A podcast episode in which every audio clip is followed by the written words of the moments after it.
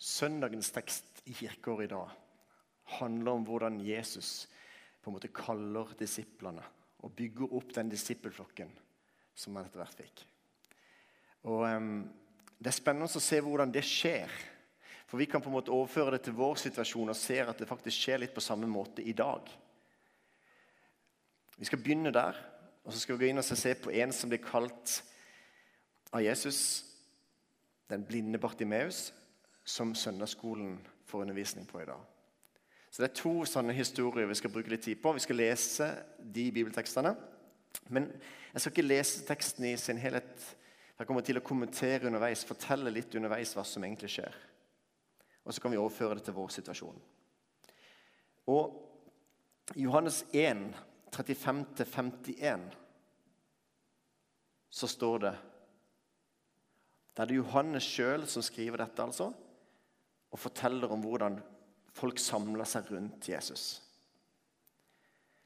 Dagen etter sto Johannes der igjen sammen med to av disiplene sine.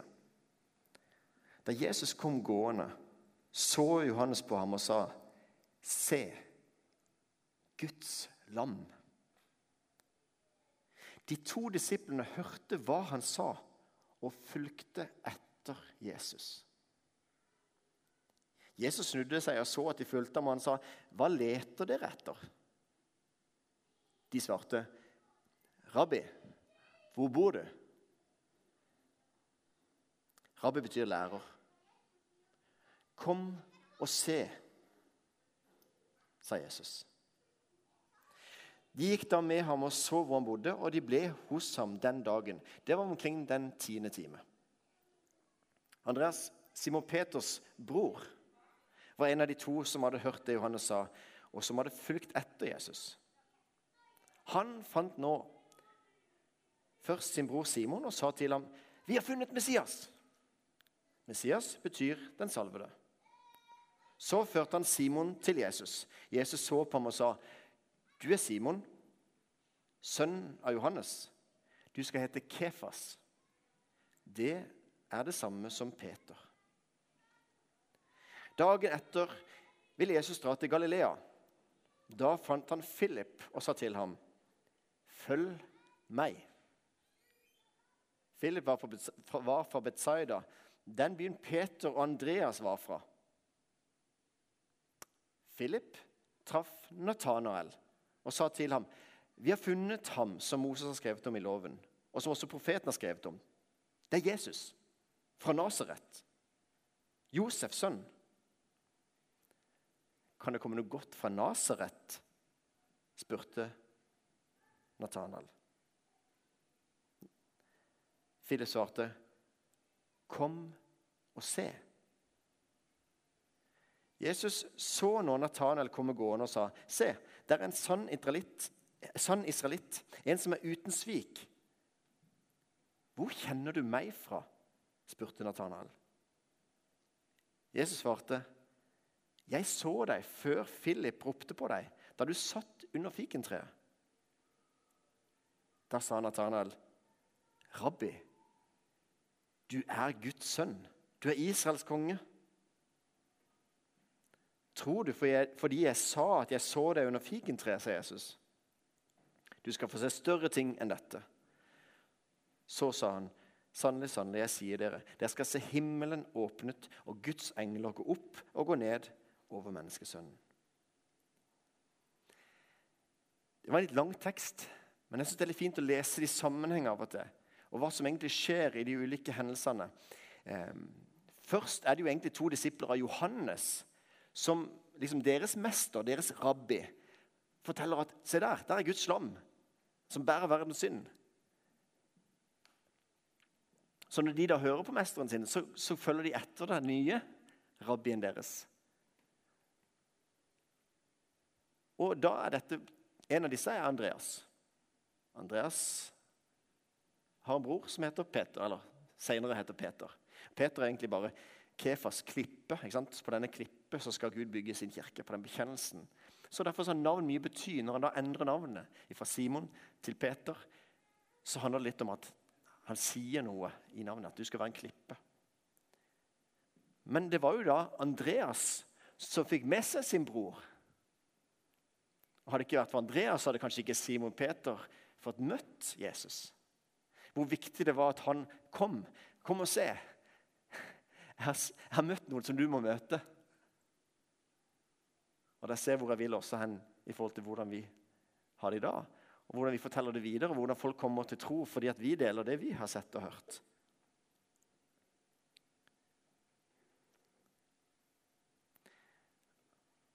Når han treffer Philip, så sier han bare 'følg meg'. Da sier ikke Jesus 'tro på meg'. For hvordan kunne han tro når ikke han hadde funnet ut det, om han var troverdig? Han måtte jo finne ut om han, om det var noe som, om han virkelig var Guds sønn.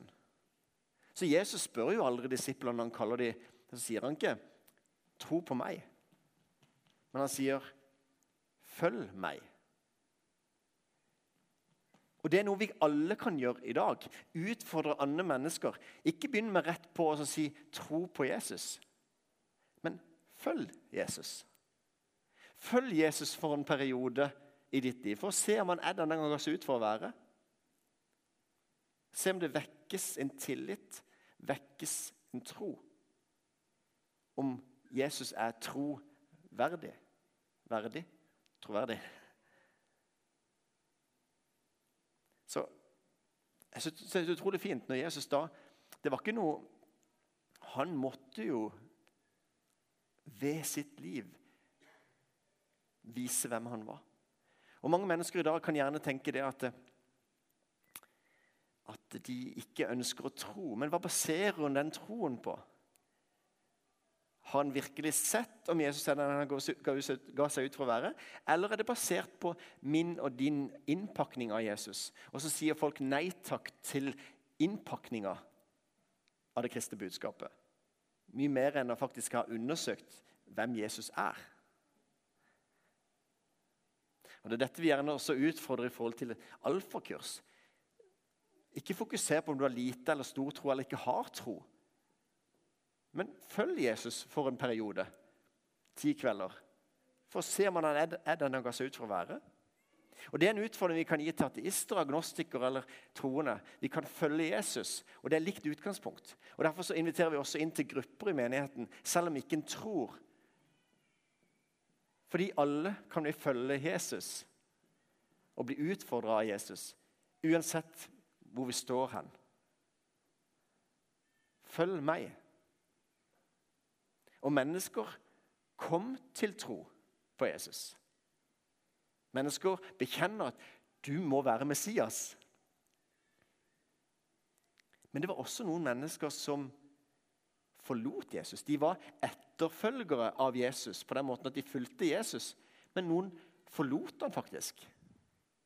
Og faktisk så står det i Johannes 6, 66 at Jesus sier til disiplene vil dere også forlate meg. Og disiplene svarer, 'Herre, hvem skulle vi gå til?' Det, det er du som har det levende vann. Sånn kan det være egentlig når Jesus spør meg også. Rune, vil, vil du også forlate meg? Herre, hvem skulle jeg gå til? Hva er alternativet? Det er du som har det levende vann.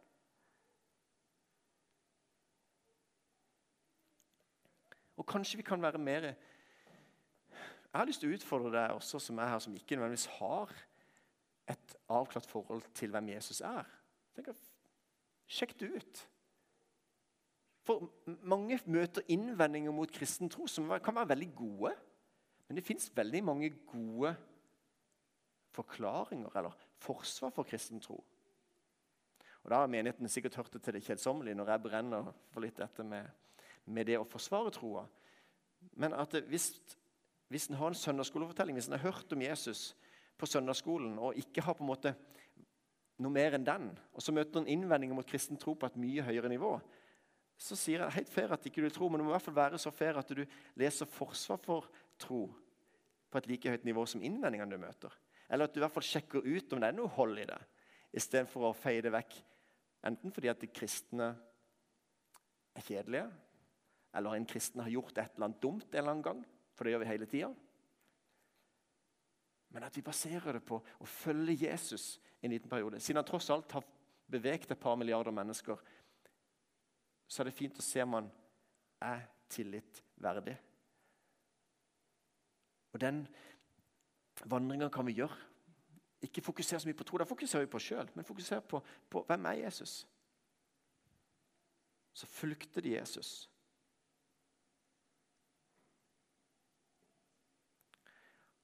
Og Det ene måten det blir sagt på, er det eh, 'kom og se'. Det er liksom Invitasjonen er 'kom og se'. Kan han være Messias? Det er sånn, et eller annet, Kan det være han vi har venta på så lenge? Men kom og se, er en invitasjon som gjøres.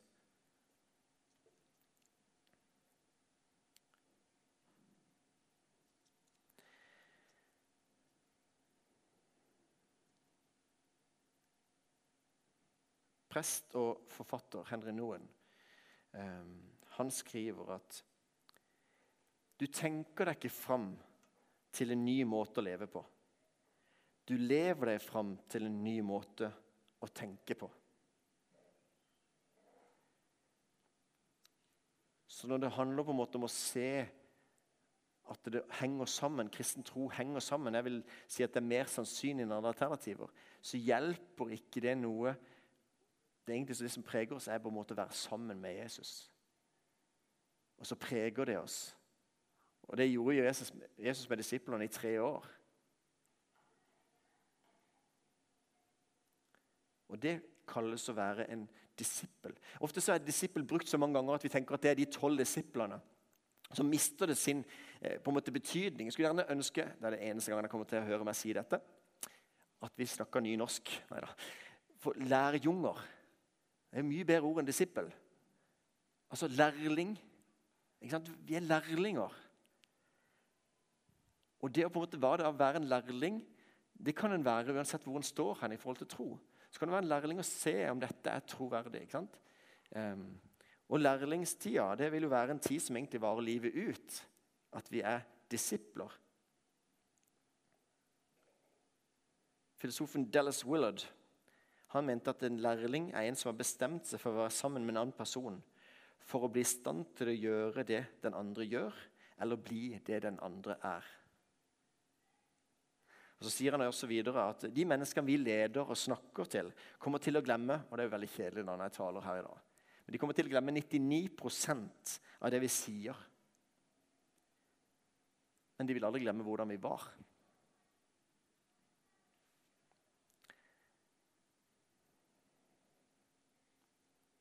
Det å være disippel handler om å leve et liv. Og Egentlig så syns jeg det er spennende sånn at vi kan se, prøve det ut og se hva, det, hva, som blir ut av det. Altså, Kristiansand folkehøgskole ute på Dvergstadtangen. Eh, et par år den skolen har vært. Eh, frikirkas, snart blir det Frikirka sin folkehøgskole. Der starter de en linje nå som heter GC Trainee. Heter det GC på engelsk? JC. Takk. Bare nikka noen etterpå når jeg sa det. JC Trainee står for Jesus Christ Trainee. Litt kult. Da er det en av lærerne der ute, Espen Sødal, som, som ønsker å ha gjerne tolv i klassen. Ikke for at han er mesteren, men for at de sammen skal kunne følge etter Jesus som trainee. Og leve det, ikke bare lese det og ikke få det inn i hodet, men leve det ut. Jeg synes det er spennende. Eh, og Nå skal de gjøre det dette første året med stipendiatene osv. Og, så, og så er det åpent også for andre. Det er åpent for andre nå også, men, men det skal være litt mindre målestokk. Men neste år igjen så skal det være et helt år med å være trainee av Jesus. Lærjunger. Lærjunger, det er ikke det Lærling Ja, er det svensk, det? Ja, det er jo svensk. Ja, ja. Nynorsk og svensk er ca. det samme. ikke det? Læresvein heter det på nynorsk. Ja, ja.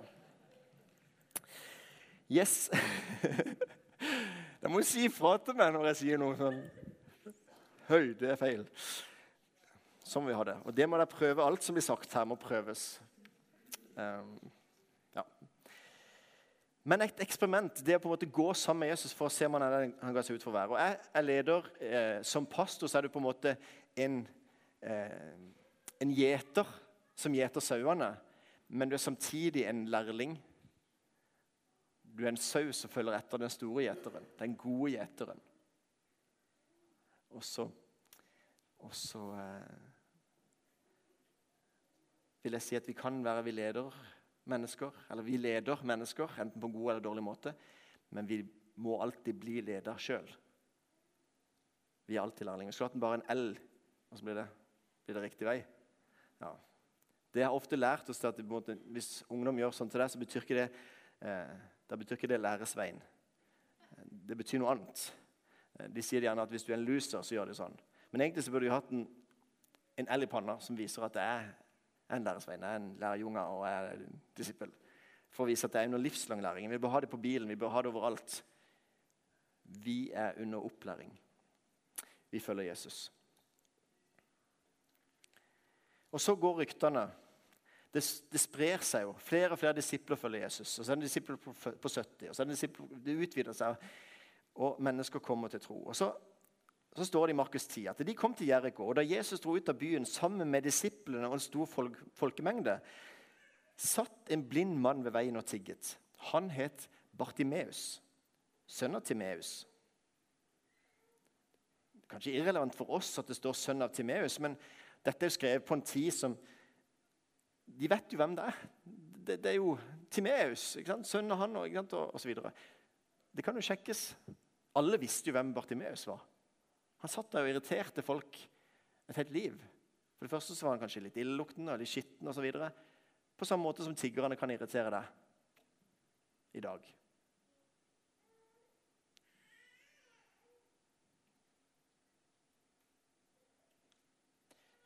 Da han hørte at det var Jesus fra Nasaret som kom, satt han i å rope. Jesus, Jesus, du Davids sønn, ha barmhjertighet med meg.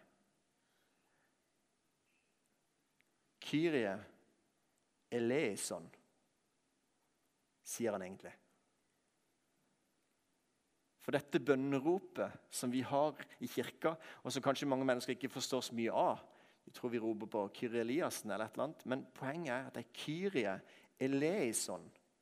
Og Det er tatt ifra dette bønneropet til Bartimeus, denne tiggeren som var blind. Hans bønnerop er blitt sagt gjennom kirka i lang tid etterpå. Kyrie eleison. Gud Fader, miskunn deg over meg. Ha barmhjertighet med meg.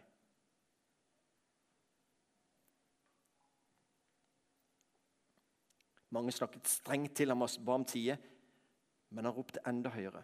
Du Davids sønn, ha barmhjertighet med meg. Da stanset Jesus og sa, Be ham komme hit. De ropte på den blinde og sa til ham, Vær ved godt mot, reis deg, han kaller på deg. Mannen kastet kappen av seg, sprang opp og kom til Jesus.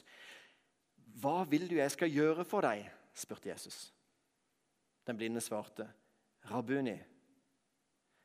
Er forskjell for rabbi, rabbuni, min lærer, min frelser. La meg få syn igjen. Da sa Jesus til ham, Gå du, din tro har frelst deg. Straks kunne han se og han fulgte Jesus på veien. Disiplene, Ryktene går om denne Jesus. Mennesker ønsker å komme i kontakt med han. Han visste at han kunne bety en forskjell på han, han roper på han.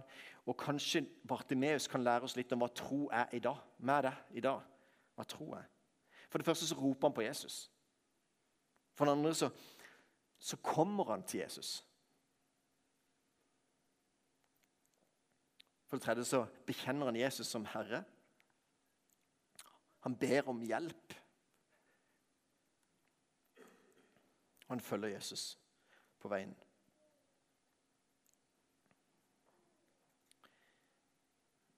Bartimeus var den laveste i samfunnet. I den laveste byen på jorda, Jeriko. Jesus ser den laveste. Alle de som står rundt, hysjer på han til still. I neste omgang så hjelper de han. Kom. Men de likte egentlig ikke at han ropte. Men når Jesus er interessert i han, og de skjønner at Jesus er interessert i alle mennesker, så heier de på han og oppmuntrer han. 'Kom, han vil, han vil treffe deg.' Så hjalp de han til Jesus. Kanskje det er jo litt likt? Hva er det? Jesus gir Bartimeus verdi. Jesus gir de minste verdi. Og det er også fint inn i barnedåpene. At hvert menneske som ikke har produsert noen ting, som ikke har gjort seg fortjent til noen ting, har uendelig verdi. Om ikke det er født engang, så har det uendelig verdi. For verdien får du ikke ved prestasjon, men ved nåde.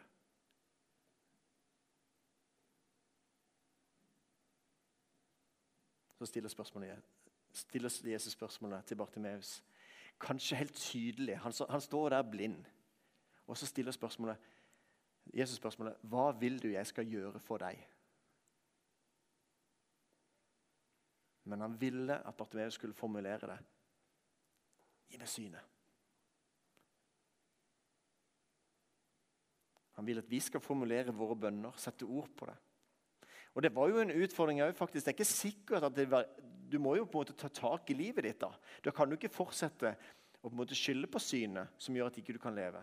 Så Hvis du får det på en måte, hvis du blir imøtekommet på ditt behov, er du da villig til å la det skje en forandring i ditt liv? Eller, har du lyst til å ha grunn til å kunne leve sånn som du fortsatt, eller leve sånn som du gjør? Hva vil du jeg skal gjøre for deg?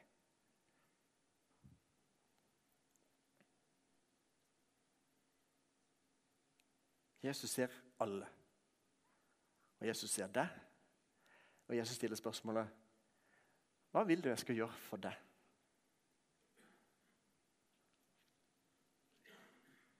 Hva er din lengsel?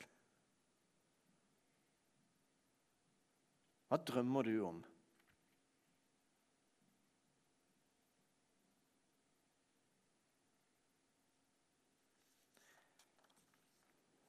Den lengselen som du har.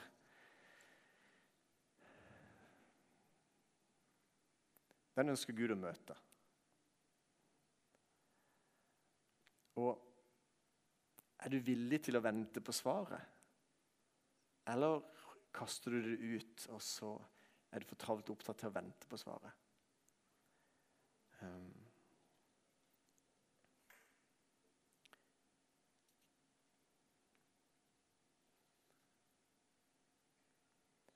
Det samme er jo egentlig hva er det Gud har lagt av gaver ned i deg?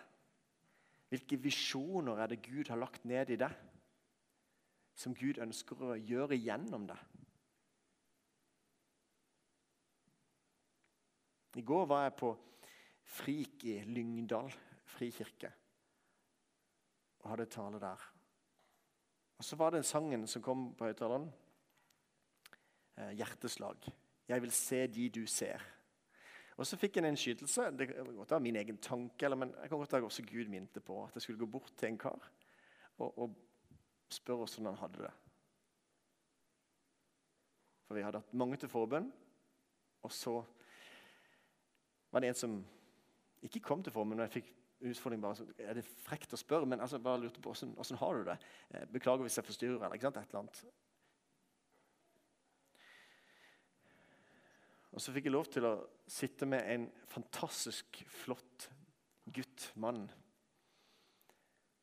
som gråt, hulkegråt, fordi pappa, pappaen hans hadde forlatt han da han var et lite barn. Og som hadde et, en lengsel etter å bli bekrefta for vi har alle en lengsel etter å bli bekrefta av mennesker rundt oss, spesielt mamma og pappa.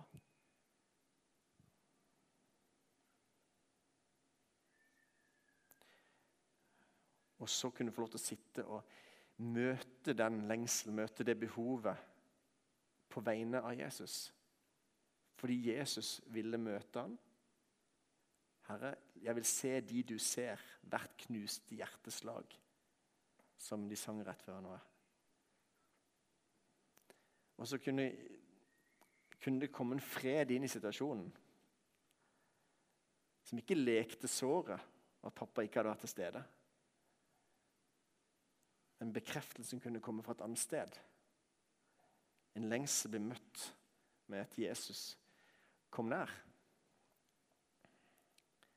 Det var et hellig øyeblikk.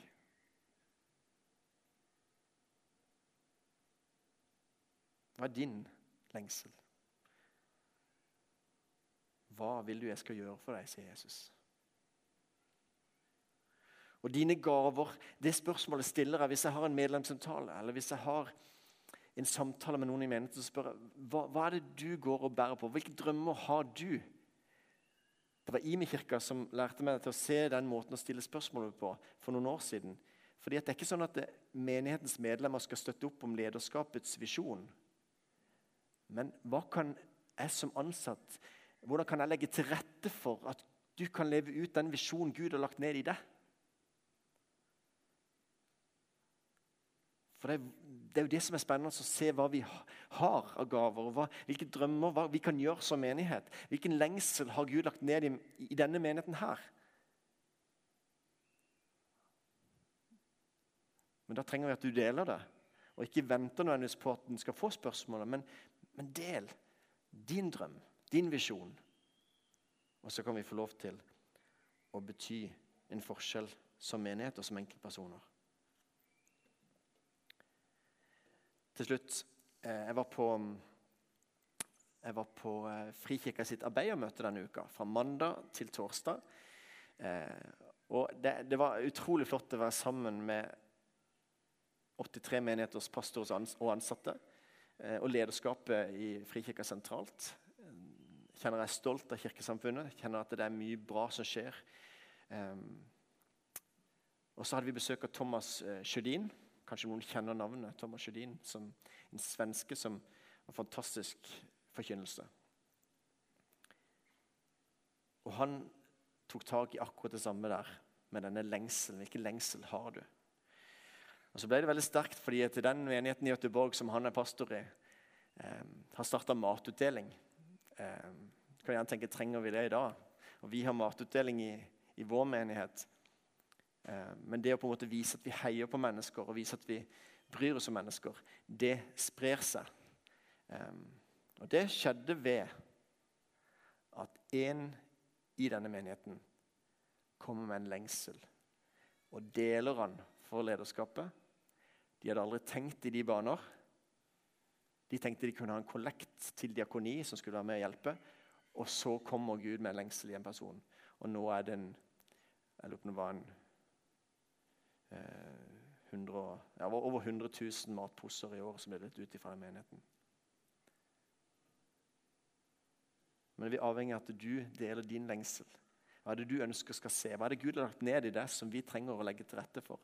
Sånn at vi kan få lov til å se at det skjer her i Østsida frikirke.